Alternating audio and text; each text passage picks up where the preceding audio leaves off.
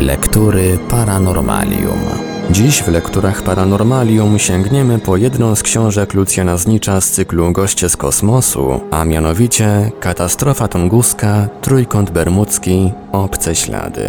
Tytuł książki mówi właściwie wszystko. Przedstawione w przystępny dla czytelnika sposób informacje na temat słynnej katastrofy tunguskiej, osławionego obszaru na Atlantyku zwanego Trójkątem Bermudzkim oraz różnych mających miejsce na Ziemi anomaliów. Książkę tę na naszej antenie prezentujemy w odcinkach w całości.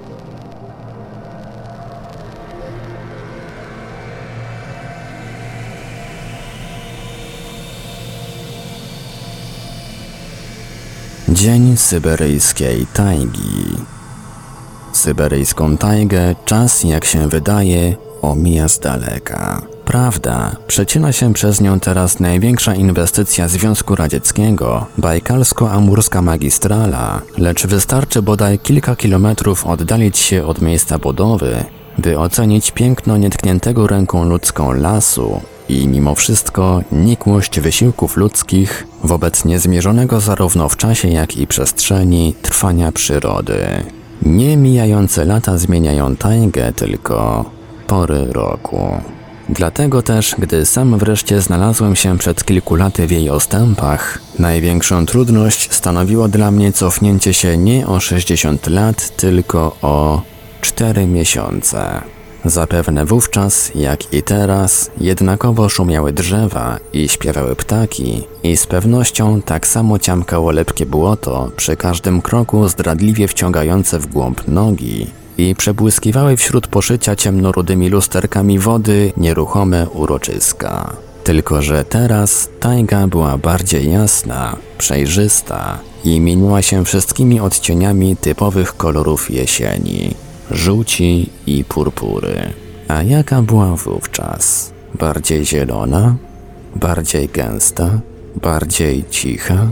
I nagle zwalił się na nią oszałamiający huk jakby gigantycznej kanonady.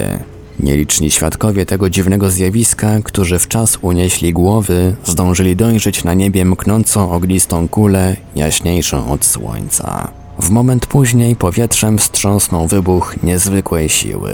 Przerażeni mieszkańcy leżącej wśród tej syberyjskiej tajgi faktorii Vanavara, którzy wybiegli z rozlatujących się pod wpływem podmuchu domów, ujrzeli na horyzoncie oślepiającą ognistą fontannę, która zwolna rozpłynęła się w grzybopodobną chmurę dymu.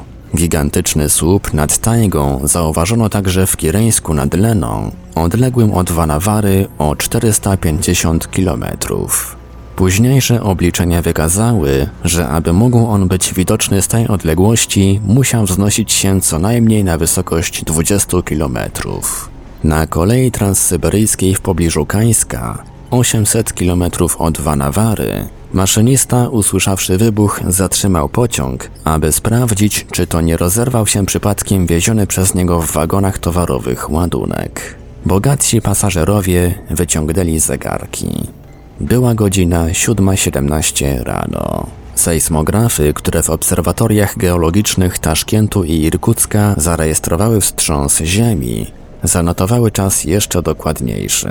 Godzina 7.17 i 11 sekund. Jeszcze przez tajgę przeleciał gwałtowny huragan z trzaskiem łamiący wyższe drzewa. Jeszcze Angara wezbrała gigantyczną falą, która zmiotła płynących po rzece flisaków. Nieliczni, którzy się uratowali, twierdzili później, że fala była tak wysoka, iż niosła bale z rozbitych tratw ustawione pionowo. I potem znów wszystko powróciło do poprzedniego stanu. Chociaż nie wszędzie. W obserwatoriach meteorologicznych Petersburga, Kopenhagi, a nawet Waszyngtonu zanotowano dziwną falę powietrzną, która prawdopodobnie obeszła całą Ziemię i następnego dnia z opóźnieniem 30-godzinnym zanotowana została jeszcze powtórnie w Poczdamie i Londynie. Tydzień później dyrektor paryskiego obserwatorium astronomicznego S. Langon na zebraniu francuskiej Akademii Nauk zakomunikował, że następnego dnia po wybuchu w Bordeaux było tak jasno, iż jeszcze o godzinie 21.56 można było swobodnie czytać z odległości 30 cm. Zaś dzień później o godzinie 21.15 szereg obserwatoriów meteorologicznych zwróciło uwagę na olbrzymią ilość srebrzystych obłoków na niebie.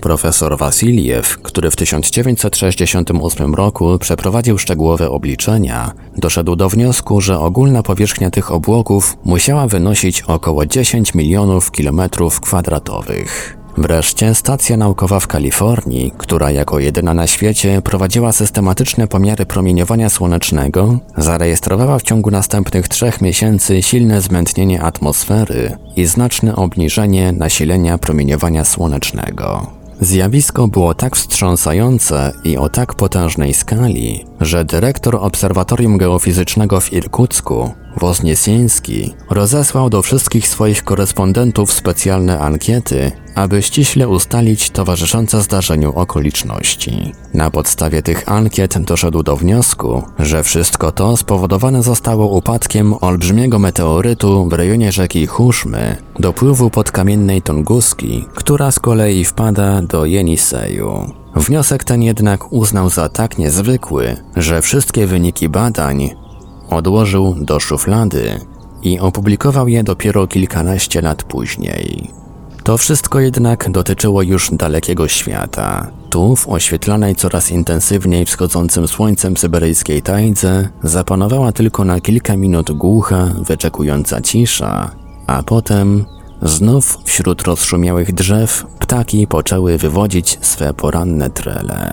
Zaczynał się piękny słoneczny dzień 30 czerwca 1908 roku. Meteoryty bombardują świadomość ludzką. Upadki meteorytów na Ziemię nie są zjawiskami niezwykłymi, ale dopiero od 170 lat, bo przedtem meteoryty w ogóle nie istniały, a spadanie kamieni z nieba było absurdalnym przesądem, którego oficjalna nauka nigdy nie zaaprobuje. Oficjalna nauka. Ileż błędów, pomyłek i właśnie przesądów w okresie setek i tysięcy lat osłaniało się płaszczem tego tytułu. Nie była wyjątkiem w tej dziedzinie i meteorytologia. Cóż z tego, że już żyjący na przełomie XVI i XVII wieku uczony francuski Gazendi był naocznym świadkiem upadku meteorytu na Ziemię z jasnego nieba. Jeśli fakt ten nie zgadzał się z teorią, to tym gorzej dla faktu. A gdy uparty Gazendi wyraził nieśmiało podejrzenie, że kamień ten mógł być fragmentem pojawiających się na niebie komet, został wyśmiany i powszechnie uznany za niełuka. Po tej nauczce, jaką oficjalna nauka dała dyletantowi Gassendiemu, dopiero dwa wieki później, w latach 1714-1718, znakomity angielski astronom Halley odważył się ponownie zbadać spadły na Ziemię bolid, a nawet uzasadnić jego galaktyczne pochodzenie. Ale i to przeszło bez echa. Pół wieku później, w styczniu 1772 roku, członek Petersburskiej Akademii Nauk, Pallas, zawiadomił cały świat o odkryciu w rejonie Abakanu na Syberii Środkowej olbrzymiej bryły o wadze 650 kg niezwykle twardego żelaza. Próbki jego z biegiem lat trafiają niemal do wszystkich zajmujących się tą problematyką naukowców świata, ale choć każdy z nich potwierdza niezwykłą budowę żelaza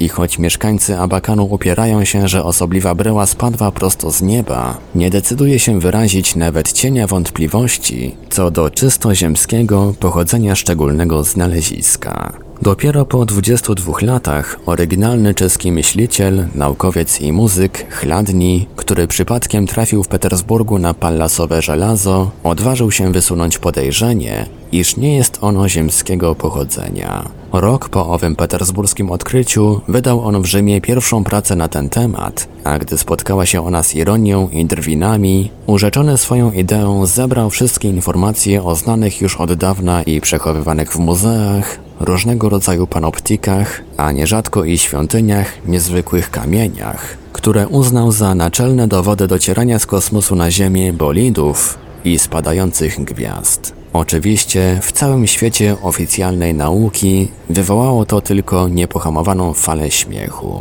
Tak to bywa, gdy dyletant odważa się pouczać uczonych. I śmiech ten zamarł dopiero 10 lat później, gdy już nie jakiś tam muzykant, ale jeden z grona ścisłych specjalistów, francuski uczony Biot, opublikował w roku 1803 osobistą obserwację upadku meteorytu Eagle.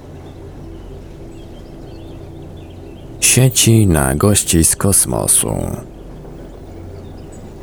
W 1965 roku na 20. Kongresie Chemii Teoretycznej i Stosowanej w Moskwie specjalista radzieckiej chemii kosmicznej Winogradow na podstawie analizy 1759 znanych wówczas meteorytów znajdujących się we wszystkich muzeach świata podzielił je na dwie zasadnicze grupy. Meteoryty kamienne, stanowiące prawdopodobnie około 80% ogólnej liczby meteorytów i wielekroć rzadsze meteoryty żelazne. Równocześnie zwrócił on uwagę na fakt, iż meteoryty kamienne, mimo zaskakującej wręcz jednorodności chemicznej i mineralogicznej, w skład ich wchodzi zaledwie 37 minerałów spośród 3500 znanych na Ziemi, są jakby naszpikowane maleńkimi ziarenkami o średnicach od setnych części milimetra do 5 mm żelazo niklu.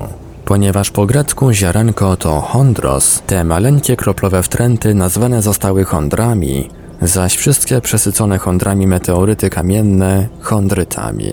Także wśród meteorytów żelaznych stwierdzono pewną osobliwość, a mianowicie olbrzymią domieszkę niklu od 4 do ponad 40%.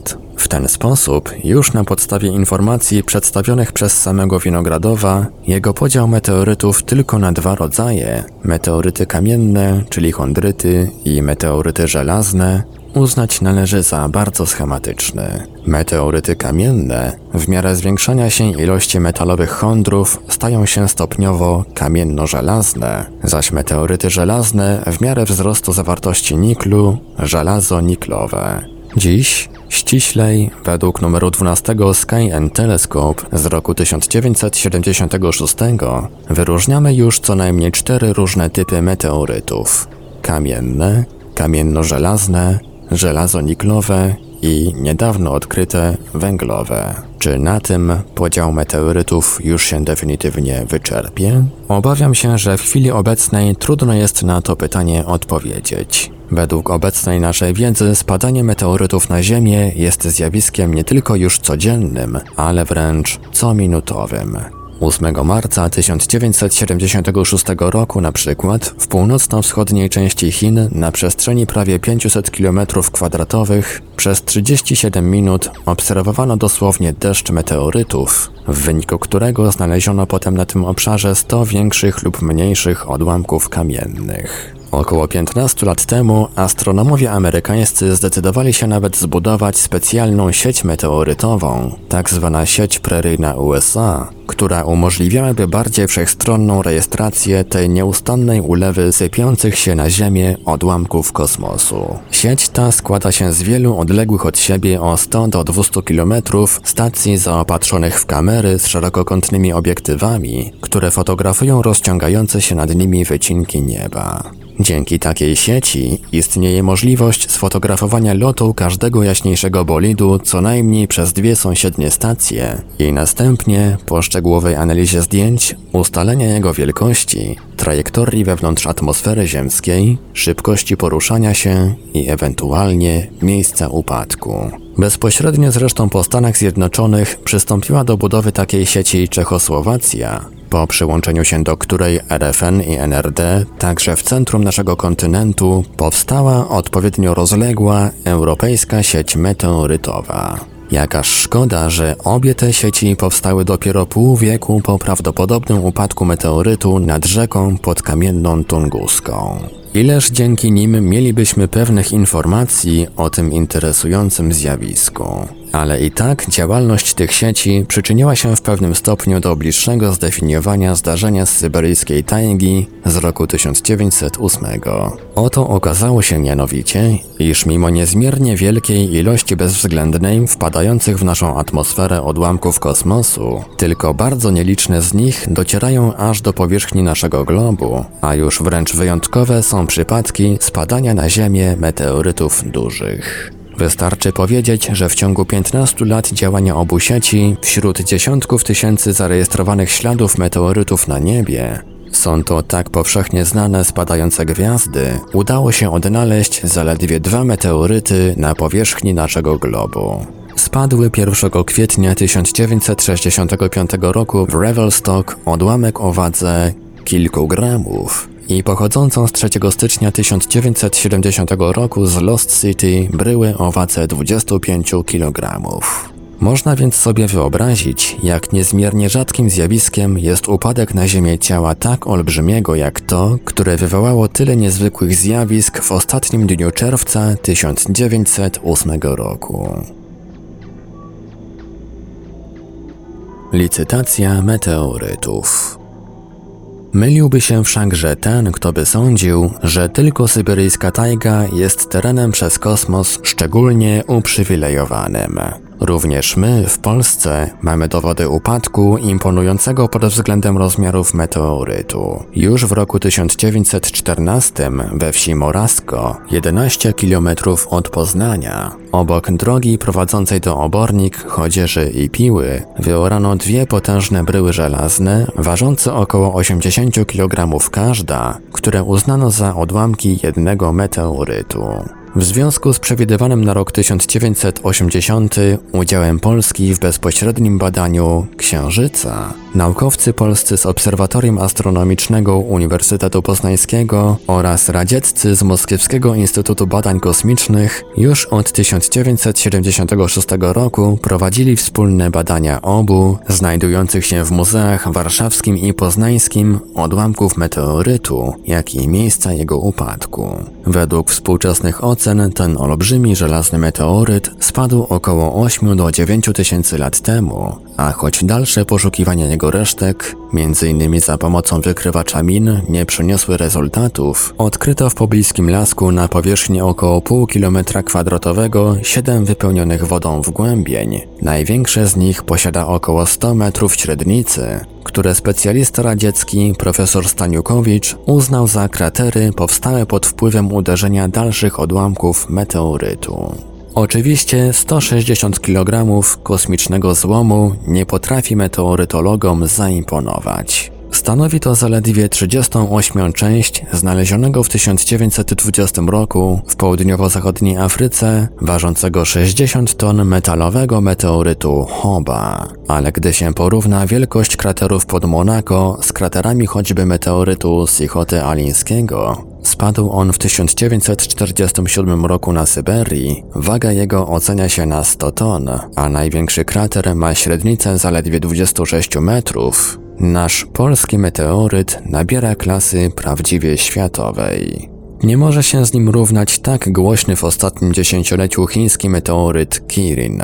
Spadł on wśród wspomnianego już istnego deszczu meteorytów 8 marca 1976 roku o godzinie 15.02 czasu pekińskiego na terytorium komuny wiejskiej Huapichang w okręgu Chunxi północno-wschodniej prowincji Kirin i dzięki wadze 1770 kg stanowi największy znany dzisiaj chondryt świata. Ten przeszło półtora tonowy odłamek, według oceny naukowców chińskich cały meteoryt powinien ważyć około 4 ton, krótko nad ziemią pękł jednak na trzy części, z których meteoryt Kirin jest największy. Potrafił wybić w ziemi krater głęboki zaledwie na 6,5 metra. Podobno odnalezione zostały także dwa pozostałe, wieluset kilogramowe odłamki meteorytu. Naukowcy chińscy odmówili jednak udzielenia informacji na temat ich meteorytu zainteresowanym tym wydarzeniem specjalistom z całego świata. Miejmy nadzieję, że przynajmniej uczeni japońscy będą bardziej skłonni do podzielenia się wynikami swych badań, bo i oni mają swój meteoryt, który w listopadzie 1975 roku spadł w pobliżu wyspy Tadasima. Niestety, nawet przy dobrej woli Japończyków i tym razem sprawa nie będzie najłatwiejsza. Meteoryt spadł na dno Morza Japońskiego i po raz pierwszy sfotografowany został za pomocą podwodnej kamery dopiero w lutym 1977 roku. Według prowizorycznych ocen waży on jednak co najmniej 100 ton i, zgodnie z oceną Japończyków, jest największym meteorytem, jaki kiedykolwiek spadł na Ziemię. Podkreślmy jednak wyraźnie, nikt przecież nie zaobserwował przy jego upadku fenomenów przyrodniczych, jak w 1908 roku. Czy więc uczeni japońscy nie uważają ciała, które spadło w tajdze nad podkamienną Tunguską za meteoryt? Czy też swemu meteorytowi zbyt pochopnie przyznali rangę największego? Kosmiczne rany, astroblemy, już w 30 latach XX wieku w miejscowości Beringer w Arizonie w Stanach Zjednoczonych został odkryty dziwny krater. Wprawdzie otaczający go wał wznosi się wyraźnie nad powierzchnię okolicznych terenów, ale sam krater o średnicy ponad kilometra jest wyraźnym wgłębieniem w ziemi. Sprawia to wrażenie, że powstał on nie na skutek wyparcia z dołu mas, które utworzyły obrzeże krateru, lecz raczej tak silnego uderzenia z góry, że masa ziemi wyrzucona na boki utworzyła otaczający krater wał. A kiedy okazało się, że nigdzie w okolicy nie ma żadnych minerałów pochodzenia wulkanicznego, wewnątrz wału zaś znajduje się mnóstwo poszarpanych odłamków żelazoniklu, sprawa stała się jasna. Krater arizoński nie ma nic wspólnego z aktywnością skorupy ziemskiej i jest wynikiem uderzenia olbrzymiego. Masa jego ocenia się na około 60 tysięcy ton meteorytu żelaznego. Kraterowy ślad po nim został z greckiego nazwany astroblemą, co dosłownie oznacza kosmiczną ranę. Po odkryciu arizońskim na wszystkich kontynentach świata rozpoczęło się istne polowanie na astroblemy. Jednakże w ciągu 20 lat, do roku 1950, udało się ich odkryć zaledwie 12, z tym, że średnice kraterów stopniowo malały aż do 9 metrów. W tym stanie rzeczy w roku 1950 naukowcy z Kanady zabrali się do szczegółowego zbadania krateru Nowy Kłębek i choć nie odkryto w nim żadnego śladu meteorytu, na podstawie badań porównawczych z astroblemą arizońską i kraterami na Księżycu, także ten krater uznano za astroblemę. Na podstawie badań porównawczych z astroblemą arizońską i kraterami na Księżycu, Także ten krater uznano za astroblemę. Od tego czasu przez 22 lata mieszane zespoły kanadyjskich astronomów i geologów prowadzą systematyczne poszukiwania astroblem na terenie tego kraju. Wiele śladów działalności meteorytowej w ciągu setek milionów lat zostało całkowicie niemal lub bodaj częściowo zatartych przez erozję, wędrówkę lodowców, osady. Jednakże w wyniku szczegółowej analizy milionów zdjęć lotniczych udało się wykryć tylko na terenie Kanady aż 19 astroblem. Ale jakże to tak? Cały świat ma ich 12, a sama Kanada 19? Niemożliwe przecież, żeby tylko ten wycinek powierzchni Ziemi był w jakiś szczególny sposób uprzywilejowany przez spadające na nią meteoryty.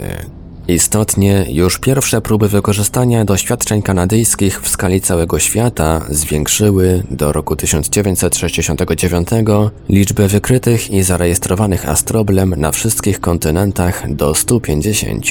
I odkrycia te wcale się na roku 1969 nie skończyły. Do roku 1977 za astroblemy uznano jeziora Mien i Dylen w Szwecji oraz Lapajärvi w Finlandii, Trwają prace badawcze nad jednym z elipsoidalnych jezior radzieckiej Karelii, 16 km średnicy. Wystrzelony specjalnie w tym celu amerykański satelita Landsat wykrył w zachodniej części Półwyspu Arabskiego krater o średnicy 6 km, a ponadto dalsze astroblemy w Australii, południowej Afryce, Indiach i nawet w Kanadzie. Zgodnie z obliczeniami teoretycznymi, znów przeprowadzonymi na podstawie liczby kraterów księżycowych w stosunku do powierzchni naszego satelity, cały nasz glob powinien być poszarpany około 200 astroblemami.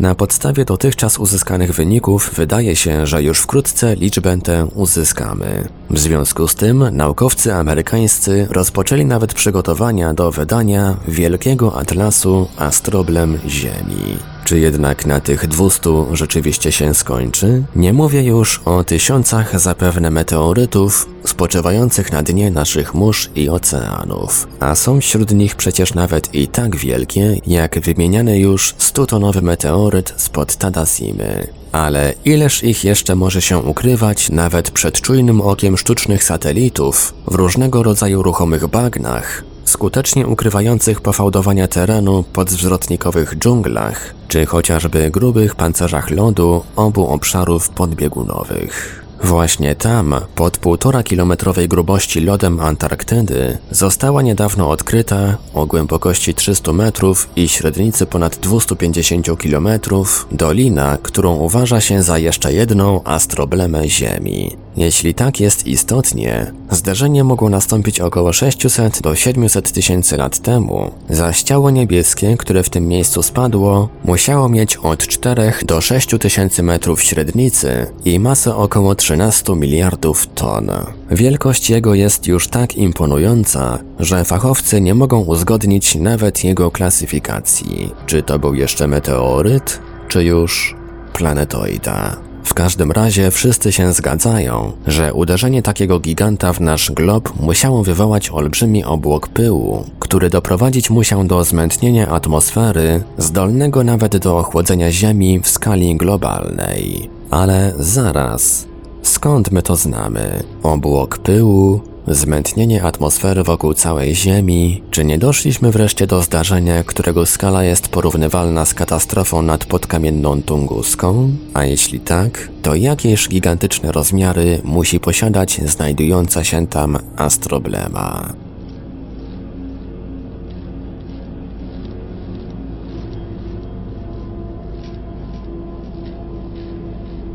W Radiu Paranormalium zaprezentowaliśmy fragment książki Lucjana Znicza Katastrofa Tunguska, Trójkąt Bermudzki, Obce Ślady. Dalszy ciąg w kolejnym odcinku Lektur Paranormalium. Archiwalne odcinki Lektur Paranormalium znajdziesz do pobrania w archiwum naszego radia na stronie www.paranormalium.pl.